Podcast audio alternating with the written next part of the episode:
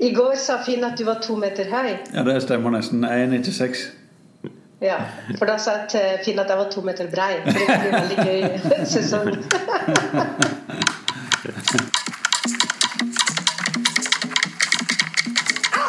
Velkommen til Løpetid, podkasten for deg som liker løping. Episode to, sesong fem. Og veldig, veldig spennende, for i dag skal vi ønske Petter, eller Petter, velkommen til Løpetid. Hallo, Petter. Hallo, hallo, god morgen. Og ser vi et sånt fint bilde av deg, da, Anna, som sitter med en iPhone-kabel. Sånn fint på stell foran fjeset ditt. På, er vi på Messenger? Direkte fra Kristiansand. Ja, pinsettgrep på kabelen, sånn at du ikke skal kjefte på meg, for du er sånn streng militær. Det er bare vi må prøve å få lyden så godt vi kan, da. Ja, ja. Ja.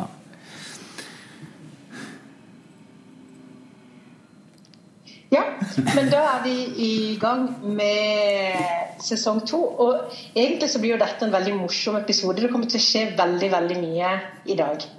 Eh, For, for lytterne så begynner vi i Norge og i Europa og ender opp på et helt annet kontinent. Eller hva, Finn? Ja, litt i tvil om jeg skulle legge ut episoden før jeg kom og landa i Afrika, da, men jeg er i hvert fall på vei til Afrika. Så For, eh, det, for de som hørte episode én, så var du jo i tvil om du skulle reise pga. korona og jobb, og du var litt sånn eh. Men så bestemte du deg. ja. Hva eh, skjedde? Nei, Jeg har vært bestemt lenge på at jeg har lyst til å reise ned. Eh, og så vært i tvil om det lot seg gjøre i det hele tatt. Men så har jeg jo Sondre da, Sondre Norsem Moen han reiste ned i midten av desember og gitt meg ganske trygghet på at det er grei skuring å komme seg ned. Og så vært litt i tvil om det er det greit i forhold til jobb, er det greit i forhold til se, norske myndigheter. Og det ble ganske røffe innstramninger nå etter jul. Men da hoppa jeg i det, sjekka ut, fikk tak i visum, fikk tak i ja, Testa meg for korona og bestilt reise, og da var det ganske greit. Så da var bookinga i orden på fredag. Nå er vi på onsdag, så da er jeg på vei ned sammen med en som heter Andreas Grøgaard, som jeg skal ned og, og ja, Han er maratonløper og skal gjøre en del portretter av Sondre. De skal lage en dokumentar om han bl.a. På, ja, på noen ulike medieplattformer. da. Du kan jo bare spørre, eh, Hvor lenge er det du blir i Kenya? To måneder. Hæ? Nei da, jeg gjør ikke det. Det blir eh, tolv dager. Så det blir en kort, kort opphold. Hva pakker eh, Finn i kofferten sin når han skal være tolv dager i Kenya? det, det er ganske enkelt. Jeg pakker mandag kveld. Da bruker jeg 20 minutter, altså. Da pakker jeg toalettvæske. Passer på litt sånn ekstra at jeg har neglesaks og litt sånne ting. Eh, Underbukse, sokker, noe enkelt treningstøy. Og så prøver jeg å tenke at det, det er litt kaldt på kveldene, så jeg har med to-tre gensere. Jeg har med ei bukse. Og så er mye elektronisk utstyr. Jeg lader opp, altså jeg er med meg et GoPro-kamera, innspillingsenhet her, en Mac, en iPad, et skrivebrett. Eh, Det er bare for å ha Det er jo lange kvelder, for å si det sånn. Det blir jo mørkt klokka seks, og det er ikke så mye å gjøre på. Eh, også to tredjedeler av bagasjen er gaveartikler som er med ned til de lokale. Så jeg har vært innom det. Ja, det så jeg jo du la ut. Ja. At du hadde fått med den. Vi har noen partnere i, i klubben og, og på sommerløpet som både Misuno og Scantrade har vært og bidratt med en del sko. Og det er egentlig det som begrenser, da. Så jeg har bestilt litt ekstra bagasje. Men det er jo svinedyrt, altså, med ekstra. Så um, fra å gå opp fra 25 til 30 kilo, så er det 2000 kroner ekstra på billetten. På 5 kilo. Det vet jeg, det vet jeg alt om, som har bodd fem år på Cuba. Ja. Det er ganske bittert når jeg er en ganske liten og lett person, eh, og som jeg betaler 2000 kroner for 5 kilo ekstra. Mens jeg, jeg kunne spist meg opp 30 kilo, så hadde det vært gratis. Ja, men du kan ikke spise joggesko. Jeg kan ikke det. I verste fall så får jeg kle på meg veldig mye av det tøyet jeg har med meg ned. vet du noe? Eh, min familie kommer jo fra Uruguay, og det er det vanlig å gjøre. I Brasil så var det veldig mye billigere tøy før. Ja. Så da dro vi over til Brasil, og så fikk vi på oss, og da kan du tenke deg 40 varmegrader, så kledde foreldrene våre på oss alt tøyet for at vi skulle ta det over grensa uten å betale toll. Så vi hadde liksom fire bukser og fem gensere og eh, masse undertøy oppå hverandre. For å ikke betale for det. Ja, det er bra. Nei, men i hvert fall, Det er en ganske enkel bagasje. og Jeg, jeg faktisk bare med meg ett par joggesko. Og det er et par joggesko som jeg helst eh, bør kvitte med meg. Så jeg baserer meg på at jeg får kjøpt noen joggesko enten i dag, før jeg reiser, eller når jeg lander i Kenya. Så får vi se jeg finner Du der nede. liker å leve on the edge, Finn. Du skal alltid finne på et eller annet som gjør at det kompliserer seg litt rett før du skal dra. Nei, det er ikke veldig komplisert, altså. Eh, Men vi har jo med oss en, eh, en eh, gjest til i dag. Ja, jeg som Vi skal bli veldig godt kjent med. Nå vet jeg, du, skal, du er på jobb og skal ta inn en elev, så det blir meg som skal sitte og bli kjent med Petter. Men eh, vi skal følge to personer i år. Eh, en av de er Petter, og, og litt tema blir veien mot Berlin. Eh, jeg skal sjøl springe Berlin maraton. Petter skal springe Berlin maraton, og så er vi en tredje person som skal gjøre det samme. Og så er jo målet at eh, du skal stå på, nei, på målstreken og tas imot i slutten av september.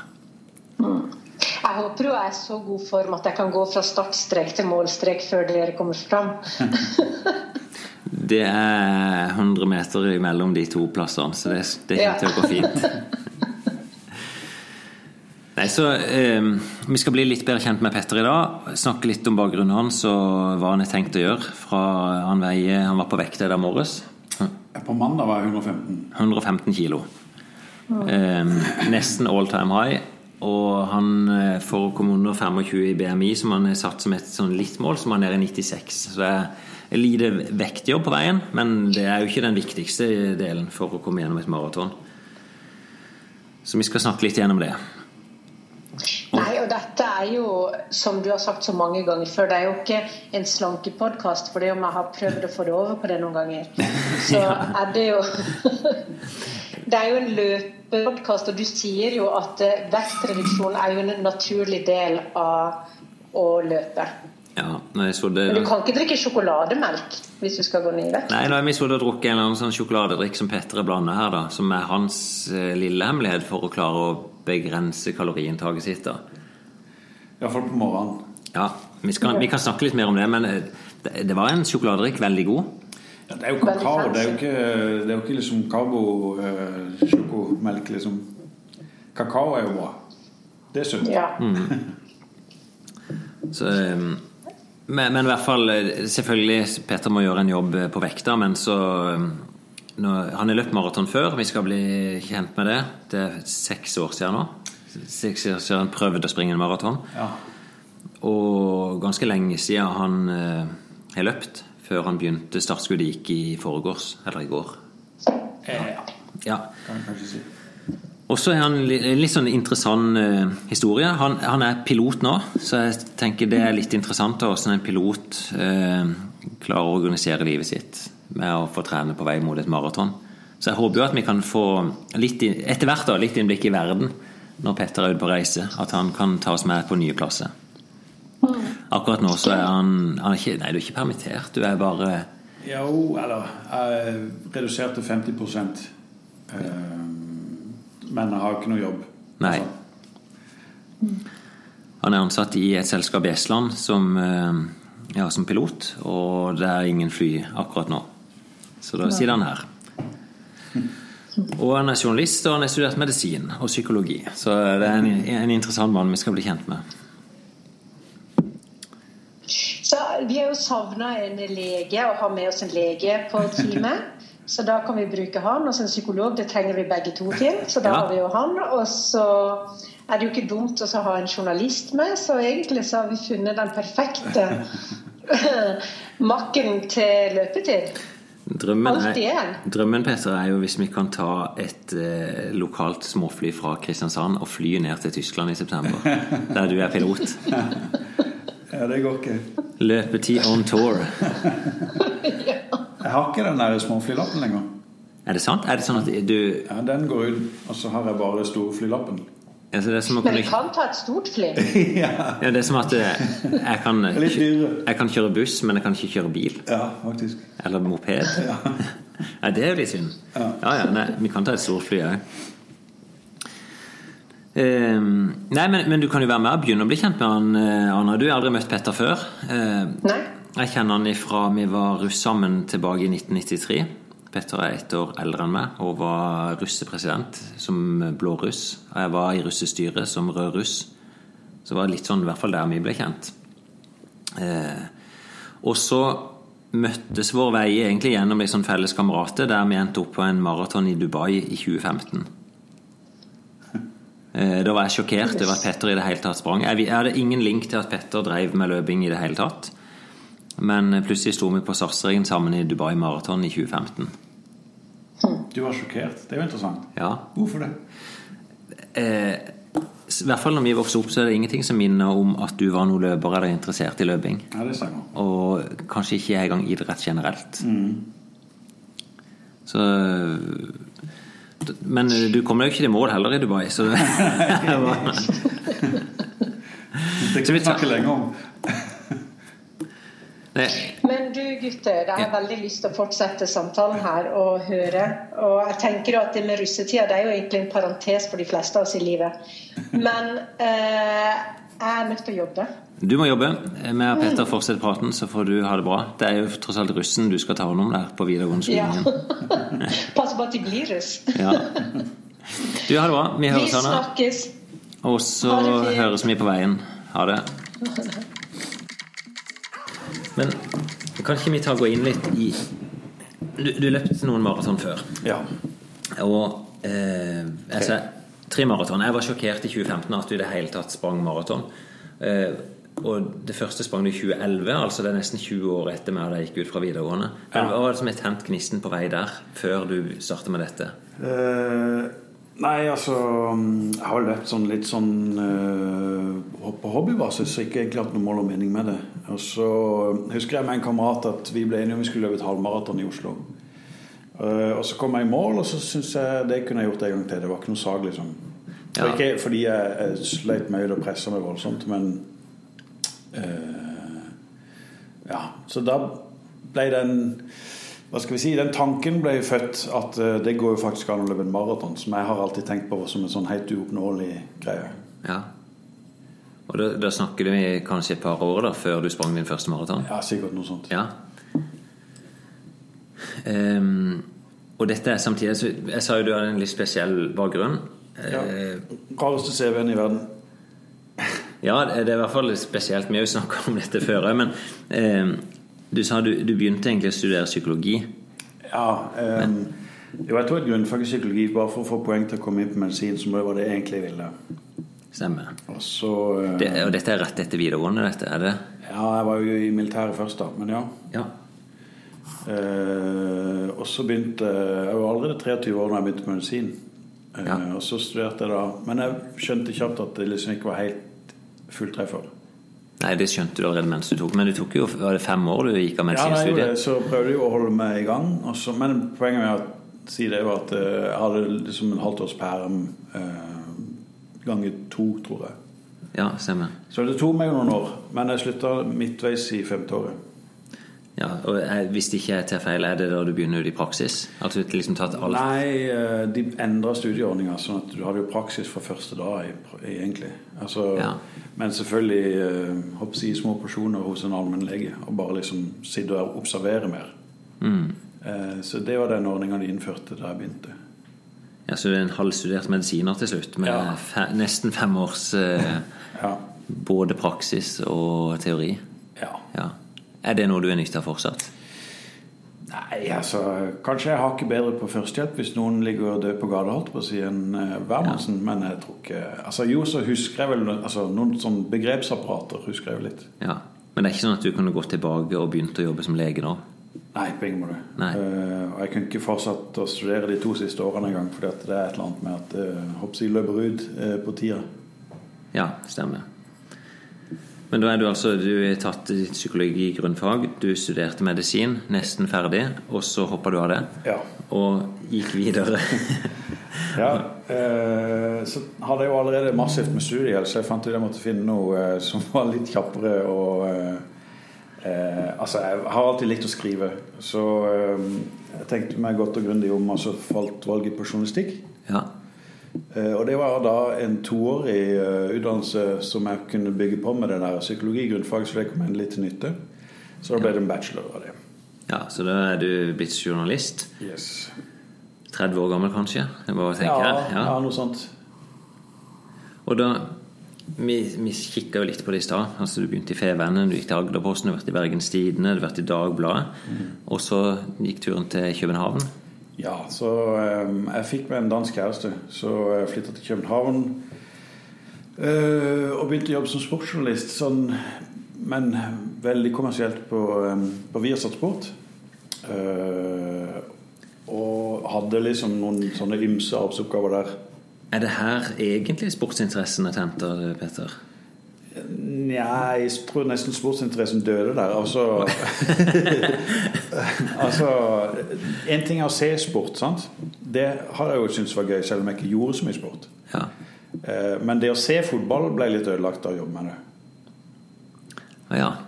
Uh, ja. Er det fordi du får en annen tilnærming til det når du skal sitte og kommentere og analysere? Og... Ja, ja, du kan ikke bare sette deg ned med ei øl og nyte det, liksom. Nei, det var jo det vi gjorde i går. Så Ja, vi, vi ja. klarte jo til en viss grad å da. det da. Ja, ja, ja. Men uh, det er klart det har kommet tilbake på den måten at jeg kan uh, sitte litt sånn avslappa med det. Men uh, i forhold til løpinga, så det var det kanskje Altså Som jeg sa, jeg har alltid liksom løpt litt her og der. Når jeg bodde i Oslo, så løper jeg litt rundt Sognsvann. Uh, men ikke, som sagt, med noe mål med det. Nei. Eh, og jeg husker kronologien i dette, men det var kanskje da jeg begynte å løpe litt. Ja. For de som er kjent i København, rundt Søerne Ja, disse, er dette disse tre vannene som ligger som, Ja, det er som vel fem, tror jeg som faktisk. kvadrat oppover? Ja. Ja, det er veldig flott å springe der. ja, og du Eh, kommer jo gjennom hele København. eh, Ikke sentrum, selvfølgelig, men Ja. ja, for du bodde der var det i seks år, du sa du jo ja. Eh, seks år i København, eh, og så flytta vi etter hvert til Göteborg. Eh, og så videre. Ja, og da sier du Du var jo sportsjournalist. Du sa jo du starta et forlag på veien her. Ja, eh, fordi den jobben i København flytta seg mer og mer fra journalistikk til jeg å noe annet eh, som ikke var så interessert i å drive med på lang sikt, iallfall. Ja. Eh, og så tenkte jeg jeg skulle prøve meg som frilanser, men det ble mer sånn forlagsjobbing og oversettelse og den slags. Eh, Ja. Og ikke så mye journalistikk av det heller. Um, og det var kanskje i løpet av de årene at den tanken fødte seg om eh, Fordi jeg hadde tatt en, en, et flysertifikat for småfly eh, underveis der. Som hobby, da. At Ja. eh, Det har vært min drøm òg. Å få seg flysertifikat. For seint, Finn. Nei, det er det ikke. På ingen måte. Det, jeg har aldri slått fra med det. Ehm, Jeg vet ikke hvor vanskelig det er. Er det et års tid det der å, å bli pilot? Altså, For å få den småflylappen, så um, Du er først og fremst veldig avhengig av godt vær. For det, Ja. du kan ikke fly uh, over uh, eller gjennom skyer. Nei, stemmer. Så du må ha fri sikt til bakken, og det er jo litt krevende kanskje noen ganger i Norge. Så du har, du har litt flaks. Men jeg dro til San Diego, der er det skinn og sol alltid. Og er det to måneder, og så er det tatt? Ja, mindre faktisk. Fem uker. Ja, så hadde du flylappen. Ja. Og betale en halv million kroner. Nei, det er ikke så galt, da. Eh, nå husker ikke jeg hva jeg betalte, men jeg kan sikkert få gjort det for 150, kanskje. Ja. Fem uker i San Diego, Yes. 150 000, og så er jeg en pilot. Ja. Nei, det, nei, det er fortsatt drømmen min. Det er, ja, jeg, kommer nok til å ende opp i lufta, det er jeg ganske sikker på. Ja, bra. Gleder meg til å co-pilot. Ja, men er det sånn du liksom, Det er nesten litt sånn rart, ikke sant? Som du sier, du har studert medisin, du er journalist, og så ender du opp som pilot. Ja, det er, Det- jeg innser jo det at det er litt sånn eh, Ja, blanda drops. i- Det var derfor jeg sa verdens lengste, rareste CV. Ja. Men, og da er det sånn jeg skjønner det, så er det, det er egentlig det som er drømmeyrket. At det, Eh, altså Målet flytter seg underveis, sant. Eh, men jeg har jo hatt det fantastisk fint med å være pilot. Ja. Eh, så jeg har ikke noe ønske om å gjøre noe annet, egentlig. Nei, for nå har du vært pilot i seks-syv år. Ja, noe sånt. Ja. Altså som uh, yrkespilot, da. Fordi jeg har jo flydd før med småfly og kost meg med det, liksom. Og nå koser jeg meg med å jobbe med det, kan man si. Er det sånn når du er ute og flyr, at du koser deg? At du, er det en Ikke opplevelse? alle dager, selvfølgelig, men ja, stort sett jeg vil si ni av ti flighter syns jeg bare er fint. Det kommer veldig an på hvem du jobber med, eh, som i alle andre yrker. Men det er jo litt sånn litt annet arbeidsmiljø når du bare har én fyr eller dame i cockpit. Ja, for det er selvfølgelig du treffer alltid nye mennesker. Det er ikke, det er ikke et team liksom som reiser rundt. Nei, ja, nå jobber jo jeg i et litt mindre selskap, så jeg har vel møtt alle mine kolleger, tror jeg. Eh, Nesten iallfall. Men eh, det er selvfølgelig Når den vaktplanen kommer, så er det noen navn du gleder deg mer til å jobbe med enn andre. Sånn er det alltid. Ja. En annen kamerat som er pilot, som har nevnt litt om at en av de største utfordringene på jobb er liksom det, denne smalltalken på veien. Ja. At du sitter mange timer støkk med en fremmed ja. person. Ja, eller bare akseptere at smalltalken kanskje ikke funker. Altså, Du må ikke være bestevenn med alle, men Nei. du må ha rutinene til å si det. Ja, ja for det er, det er jo en rutinejobb, jeg har skjønt. Ja. Veldig, veldig mye sjekking. Ja, Uh, Mye dobbeltsjekking, at vi begge to vet hva som skjer til enhver tid. Og eh, det er litt sånn Jeg syns det er litt fint, det. Den uh, rutinegreia er jo sånn Da slipper du å tenke på det. det høres dumt ut, men Ja. eh, du har noe å lene deg på. da Hvis du har huska og gjort alt det du skal, så er det da er det greit.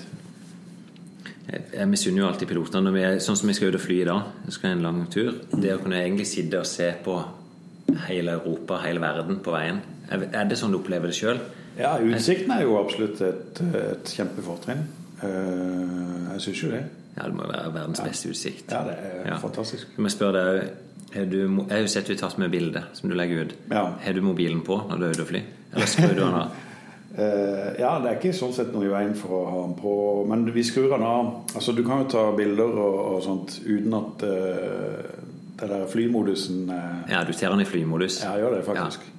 Faktisk. Ja, faktisk. Altså, det er jo Folk glemmer selvfølgelig iblant og sånn, men eh, Fly krasjer ikke, det er ikke ned for det om du glemmer å skru det er veldig farlig for meg å si at det ikke er noen fare ved det i det hele tatt. For da Ja. sitter jo alle med mobilen på i kabinen. Men, eh, men nei, det krasjer jo ikke. Men det som er mest plagsomt eh, Noen ganger merker man at det er når du kommer ned i lavere høyde, så søker den etter signal, ikke sant? Mm. Disse mastene. Og den knitringa der, den hører du noen ganger i Den cockpit. ja, dykk får den inn på øret, Ja, så når vi snakker i radio, så kan det være litt forstyrrende noen ganger. Ja, så kan selv våre telefoner bagge der. Nemlig. Sørge for at det knitrer fram i cockpit. Ja. Ja, Så da er det i hvert fall en grunn til å se nå. ja, så det er mer et irritasjonsmoment da enn egentlig at nå faller vi ned. Ja. ja. Du, eh, det er jo i hvert fall eh, masse spennende bakgrunn. Jeg håper du kan ta med noen av oss ut på en reise rundt i verden etter hvert. Men det er vel ikke noe sånn Europa, da. Altså, Ja, Eh, og, og prøve å følge litt hvordan det er for en pilot å måtte forholde seg til trening eh, og livet klare å prestere. Så er det litt sånn om nivået du er på. For Labert nivå. ja, du, du er jo en stor mann. Ja. Eh, 1,96 høy. Men du, det er ikke sånn at du framstår som tjukk. Nei, altså nå er, Som vi kanskje snakka om litt før, eller har vi, eh, så var jeg 115 kilo på mandag. Eh, og det syns jo jeg er for mye. Eh, og det er for mye til å løpe komfortabelt en maraton. Ja. Så det jeg har sagt, er at jeg må ned i vekt. Eh, og jeg husker ikke nøyaktig, men jeg løper jo Jeg har jo løpt et par av de maratonene hvor jeg har bikka 100, i hvert fall. Eh, men ikke kanskje vært oppi der, men sånn 102-104, tror jeg. Stemmer. Og, og nivået ditt er sånn rett rundt fire timer. Ja, hvis jeg karer meg under fire, så er jeg happy. Ja. Og jeg vet du hadde en pers på 3.52 i Ja. Istanbul. Ja. Um, du, ta oss gjennom. Du har vært med i Lisboa. ja, det var det første. Ja. Eh, det er jo forferdelig fordi du Iallfall det er sånn som løypa var da, så løper du den siste eh, to, tre, kanskje fire kilometer oppover. ja. før mål. Eh, men altså, det var jo nesten en religiøs opplevelse når jeg kom i mål der, så grein jeg jo som en tiåring. Fordi det var så stort for meg å nå det målet. Min første maraton liksom, ja. Men jeg klarte ikke å gå hjem til hotellet. Jeg, var helt, jeg klarte ikke å sitte i baksetet på en taxi en gang. Jeg var så i kramper, og det var helt grusomt. Husker du cirka nivået du sprang på da, på den aller første? Nei, ja, det var sånn at jeg liksom var to sekunder under fire timer. Ja. Det, jeg er jo veldig imponert, for eh, når du springer under fire, så springer du faktisk ganske fort.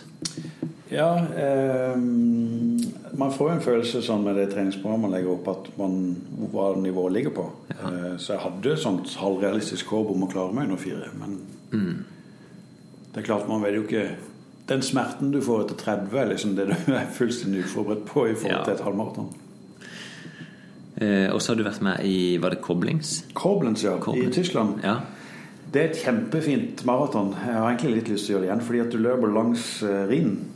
Ah, ja. Eh, Så du blir kjørt ut i tog fire mil, og så løper tilbake. Og så er det målgang. Det Psykologisk er det kanskje litt vanskelig, fordi er det ikke, når du løper ei runde, så har du liksom en følelse av hvor du er hen i løypa. Ja. Mens liksom løper du enveismaraton, så er det jo Ja, Men merking er det sikkert på veien? ja selvfølgelig. Ja. Jeg vet ikke, det kommer an på hva man liksom fester seg ved med, med i løype. At man ser at det går framover, eller kanskje Det er litt vanskeligere å se for seg om ti kilometer, hvis du kan se det fysisk. For meg, iallfall. Ja. Ja, ja, for så vidt. Jeg har aldri prøvd i ett strekk. Jeg har jo vært i Dubai, der prøvde vi begge to. Ja. Eh, Der sprang vel, Du rakk vel å springe 15 km, eller 15,5 til høyre, og så snudde vi 15,5 tilbake, og da stoppa det opp. ja. Det er en lang historie. Ja, ja, en 30 km lang historie. Vi kan jo ta den, da. Det var med deg og en kamerat som var på tur. Og Yes. vi snakka vel om det i går, at det å gå på do før et maraton, at det er liksom den I hvert fall for min del så har det vært sånn Når det er i boks, så er det liksom Da kan du løfte armene litt. Ja. Når ikke du har vært på do før et maraton og sender på startstreken, så er det litt sånn med Du er litt betenkt. Og der i Dubai så var vel du der. Ja, jeg var det. Uh, og jeg trenger eh, Eller tarmen min trenger litt tid for å komme i gang om morgenen. Ja, som, som de fleste andre, tror jeg. Ja, men folk er forskjellige. Altså, Noen kan jo bare sette seg ned, og så er det greit. Men eh, sånn er det ikke for meg, da. Så eh, skal vi advare for sarte sjeler at det kan bli avføringssnakk. Det må vi tåle. Du er jo eh, medisiner. Ja, jeg tåler det fint. Eh, men ja, jeg måtte jo underveis på do og prøvde jo å, holde meg, og så gikk ikke det. Og så eh, Så var det selvfølgelig å se etter et ledig toalett. Og det var ikke så mange av de. Eh, endelig kom jeg, fant et, og så var det kø, og så kommer du inn der, og det er jo den grusomste opplevelsen jeg noensinne har hatt. For det er, det er liksom så skittent og fælt at Men det er jo én ting, det skal vi ikke gå i detaljer på. Men iallfall så så får jeg satt meg ned, da, og så er det sånn flimsy, supertynt uh, dopapir uh, som uh, fliser seg opp og setter seg mellom rumpeballene, rett og slett. ja. Så jeg drar på meg tightsen igjen og begynner å løpe. Og Og jeg tipper litt dårlig tid òg. ja da, selvfølgelig. Det står jo folk og banker på døra og skal inn, ikke sant. Og, ja. Men iallfall så sitter det da eh, og gnisser. Eh, de neste, hva var det, fem-åtte kilometerne eller noe sånt. Ja. Eh, til det, jeg merker at det begynner å blø. Altså. ja, det er såpass, ja. Ja. ja. Og da, Det, det er nesten merkelig at og, blir det, sterk avføring egentlig er, da. Som ja, klarer å dette, dette var kanskje eh, dopapir, ikke sant? ah, ja, så, Eller det vet jeg jo ikke. Nei. Men eh, dette hadde vi ikke om på medisin. Nei, stemmer. Du begynner å bli i rumpa, i. Ja, rett og slett. Ja. Uh, og da tenkte jeg faen, det er livet for kort til det her. Altså. Det orker jeg ikke. Men, men tror du ikke det er noe med det, det er en annen type smerte enn det du er forberedt på på et maraton? Jo, selvfølgelig. Og så For, for du er jo forberedt på å ha det vondt på et maraton. Ja, men i knærne liksom Ja, det, det vet jeg av erfaring sjøl òg, at hvis det er en annen type smerte som kommer inn, så er plutselig ikke, det er ikke rom for det. Nei. Og som vi snakka om den gangen òg, at jeg tror hvis det hadde vært det første, så hadde det vel begynt å gå. Altså Så hadde det vært litt sånn trass i det. Ja. Så kanskje lente jeg meg litt for mye på at ja, men jeg har gjort dette før, liksom. Ja, og det, det, det er noe psykologisk i Berlin, nei, i Dubai òg. For det at eh, på 30 km så er det jo 300 meter ifra mål. Du Ja. passerer jo mål, og så skal du ut på ei ekstra sløyfe på de siste tolv tøffe kilometerne. Ja. Der du er jo bare Du springer jo bare på ei lang strekk rett fram. Ja, det er jo relativt kjedelig løype. Altså, Det er sikkert verdens kjedeligste maraton, hvis en skal være ærlig. Men det er selvfølgelig en nasjon og et sted som ikke du er vant til å være. Så det er likevel spektakulært. ja. Um, ja, men der brøy du i hvert fall, så det ble ja, din det. siste. Ja. Men sist du fullførte, da var du i Istanbul òg, som du hadde gjennomført. ja, det var jo gøy. Altså eh, Det er noen fantastiske byer du har vært i da og løpt. ja, Koblenz er kanskje ikke så fantastisk, men det er jo Nei, men Lisboa, Istanbul og Dubai. Ja.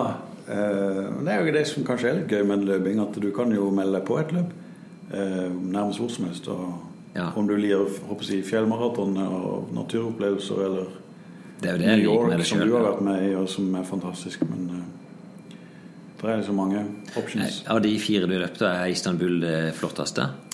Ja, det er det vel. Uh, ja, det tror jeg. Du begynner jo på broa der mellom Asia og Europa. Ja. ja det Det er jo er jo litt eh, Og er det dette det stredet som er der? Bosporus. Bosporus-stredet, ja. Og, eh, Og er du, springer du på begge Du begynner i Asia og løper til Europa. Ja.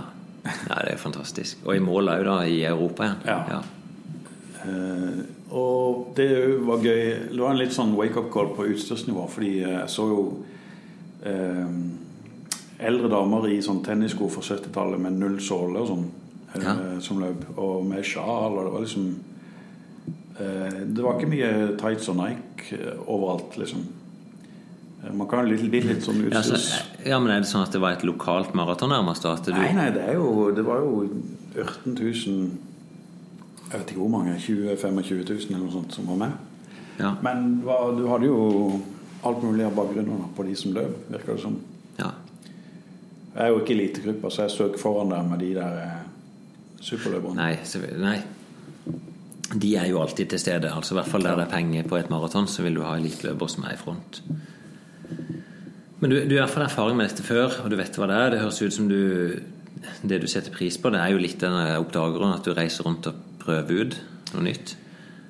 Ja, og så er det vel å utfolde seg sjøl litt. Ikke sant? At det, eh, det er lett å ha et mål å strekke seg mot. Ja. Og, og nivået, som du sier, du, du sprang på 3.52 i Istanbul, og det er det beste du løpt. Og så Ja. er du vel ja, du, du prøver, du, du, Det er jo nesten ti år siden, Petter. Ja, jeg vet det. Ja. Flyr, tida flyr. Og så på nyttårsaften, da sto vi tok hverandre i hendene på at eh, Ja, vi gjorde ikke det for det er korona. det, Vi sto som sånn knoge på at nå er det pers. Skal du gjennom, så er det pers. Altså, ja, Du trekker litt på det nå? Nei, altså Jeg sa vel at hvis alt går som det skal, så er det jo Selvfølgelig, hvis jeg stiller opp for startskregene er slank og fin og har trent bra, så er det jo en person. Du kan ikke stille opp uh, med noe annet. Med mindre du er Finn Kolstad, som har løpt på 2,34, eller hva det er for noe. Så er det kanskje litt vanskeligere å presse seg under pers eh, når man begynner å nærme seg 50. Ja. ja for du er, du er ett år eldre enn meg, så du er 48 nå? Ja. Ja. Så vi nærmer oss jo 50, da. Det store stygge 50-tallet. Jeg vet ikke om det er stygt, men eh, i forhold til løpinga så begynner det som regel å gå et skille. I hvert fall for de som ikke henta ut et sånt potensial. Og det, du har jo ikke gjort det. Nei. Men du ville fort. Jeg, jeg sa igjen at jeg syns det er imponerende av en stor mann som ikke drev med løping, og, og dunke inn under fire timer på det første. Så, men du sier du skal i hvert fall ikke sant, Nummer én fullføre Berlin. Ja. Det er sånn, selvfølgelig. Du, du kommer ikke til å begynne å gå som du gjorde i Dubai, eller bare hoppe ut av. Nei, Får jeg samme doproblemer i Berlin, så ja, kan jeg ikke garantere noe. Men nei, jeg skal jo være forberedt på å ha det på styr, da. Ja, Ja. Eh, og så ønsker du å, å, å se om du kan utfordre den tida, da, 3.52. Men det er ikke noe sånn jo fortere jo bedre? Er det liksom bare det å komme opp på det nivået igjen? Ja, I og med at det er så lenge, lang tid siden sist, øh, og de ti årene øh, som vi snakker om nå, at jeg begynner å nærme 50, så jeg vet, faen, jeg, jeg vet ikke liksom realismen i å, å si 3,45, om det er hvor vanskelig det egentlig er, da. Så jeg må liksom følge meg fram litt. Nå er det jo, nå er det jo åtte måneder til Berlin. Vi har veldig god tid. Ja, Så, så vi skal jo bli kjent på veien. Ja. Og det er på ingen måte sikkert at ting går på skinner her. Neida. Nå hadde du din første løpetur i går. Mm. da var det to måneder siden du hadde løpt sist. Ja, men altså det jeg har løpt før, det er litt sånn eh, kvarter til en halvtime på ei tredemølle. Ja. Eh, og da er det jo mykt og fint, og du Ja. Det er jo der vi må begynne. Så jeg tror ikke vi skal gå inn i all den treningspraten i dag, men bare Nei. bli litt kjent med det. Og så skal vi prøve liksom gradvis finne en form som gjør at du kan være i form i september. Ja. Men jeg syns sjøl det, det er altfor lenge til Berlin Maraton til at vi kan begynne å tenke at nå skal du inn i noe systematisk trening. Ja, men det er ikke det jeg heller ikke tenker egentlig. Det er bare å få i gang beina og, og merke. Altså, vi trenger ikke gå inn i det heller da med skader og sånn, men jeg har hatt litt sånn greier med akillesen. Ja. Eh, og noe med kne og sånn. Eh, så for meg å bare løpe bitte litt og merke at det, det går an å løpe en halv eller fem kilometer uten smerte, er liksom bra. ja, for det er jo der vi må begynne. Altså Ja. jeg tenker sånn Én til to ganger i uka at du er i gang med det nå første måneden. Ja. Og bare få kroppen i gang, og så er du i gang med ditt eget slankeprosjekt. Yes. Og da eh, du, vet, du har sikkert hørt at jeg er jo ikke noe sånn veldig sånn på regime. Hvis jeg hadde drukket denne kakaodrikken din, og så sier du meg i skål med Skal vi se Vitamineral, det er ikke så- Jeg Ja, C-vitamin. Og hva, hvorfor tar du dette? Magnesium Ja, og Hva er det siste? Nei, jeg har ikke noe veldig vitenskapelig Det er ikke liksom medisinsk begrunna, dette. Nei. Eh, Har du alltid tatt det? Eller, sånn? nei, jeg vet Altså Eller begynte du med dette nå når du skal springe maraton igjen? Nei da, det er ikke noe relatert til det, egentlig. Men uh, vitamin D er jo alltid bra om vinteren. Ja. Uh, magnesium og B6 vet jeg ikke. Altså, jeg får jo det meste med den vitamineralen der, da. ja, stemmer. Jeg driver tok det før. Det er jo tran. Ja. Så, men, men er du litt sånn at når du skal inn i et opplegg at du følger et regime, at det funker best? ja, altså i forhold til løpinga, så kosthold er jo én ting, og så er løping, løpetreninga en annen ting. Men øh, øh, Så løpetreninga i seg sjøl følger jeg jo et opplegg som er sånn fire måneders før. Ja. Eh, og da er det bare å følge planen. Ja, da, da følger du den. Ja. Åssen plan har du fulgt der før? Nei, altså stort sett tre til fire treninger per uke, eh, hvorav én er lang. Eh, og det, lengden øker selvfølgelig sånn hvor langt du er kommet i treningsprogrammet. Så et par uker før så er det kanskje 30 km. Ja. Eh, og så er det én intervall og én sånn, la oss si, fartstur. ja. Og kanskje en eh, Hva skal vi si kose, slappe av, eller sånn, sånn derre Det er bra. Uten klokke nærmest aktig. Um, Det er jo sånn, altså For meg trening det er så enkelt. Og du, hvis du gjennomfører det, så får du et resultat som vil være ganske forutsigbart for de fleste. Men jeg tror når vi skal gå inn i det, det som, siste fire månedene er det som betyr noe. Men når du skal inn i de fire månedene, så må du være, du må være nok trent til å tåle det du skal gjøre. Ja, og det er jo det som blir fokus da, og som vi snakker om, varme opp beina fram til Hva blir det? Eh, Berlin er i september, så Ja, da blir det mai. Jeg skal begynne eh, ordentlig trening. Ja, sånn, jeg tenker i det vi går inn i juni, Ja. Så må du være i stand til å tåle si, tre til fire løpsøkter i uka. Ja. Og så får vi sette ambisjonsnivået etter det. Jeg tenker, Hvis du er i stand til å trene fire økter i uka, så går det an å snakke om 3,45. ja. Så får vi se om, om det er et mål i seg sjøl. Eh, til slutt så er det jo ingen som bryr seg om du springer på 3,45 eller 4,10. Nei, jeg gjør jo Nei. Ja, du gjør. Jeg bryr meg. Eh, For den som har satt målet sjøl, men de fleste vil bare heie på deg på Ja, veien. Nei, jeg skjønner at det ikke er noen berlinere som kommer til å liksom miste nattsøvnen. At jeg løper på 4.02. Men jeg tror, jeg tror det er en grei start der, Petter. Yes. Og så eh, håper vi selvfølgelig at før vi starter oppkjøringa, at eh, folk er blitt vaksinert, at Ja. ting er realistisk, at det blir et Berlin-maraton. Ja. Det, det ser jo sånn ut. ja, det ble jo Vi var jo påmeldt i fjor, men det ble jo ikke noe av. Nei, det, det var der det begynte, egentlig. Ja. Og nå er vi, vi er klare igjen. Og vi er jo noen flere som skal reise ned. Ja, Um, skal du ta vaksinen når den kommer? ja, ja absolutt. Så du er ikke skeptiker?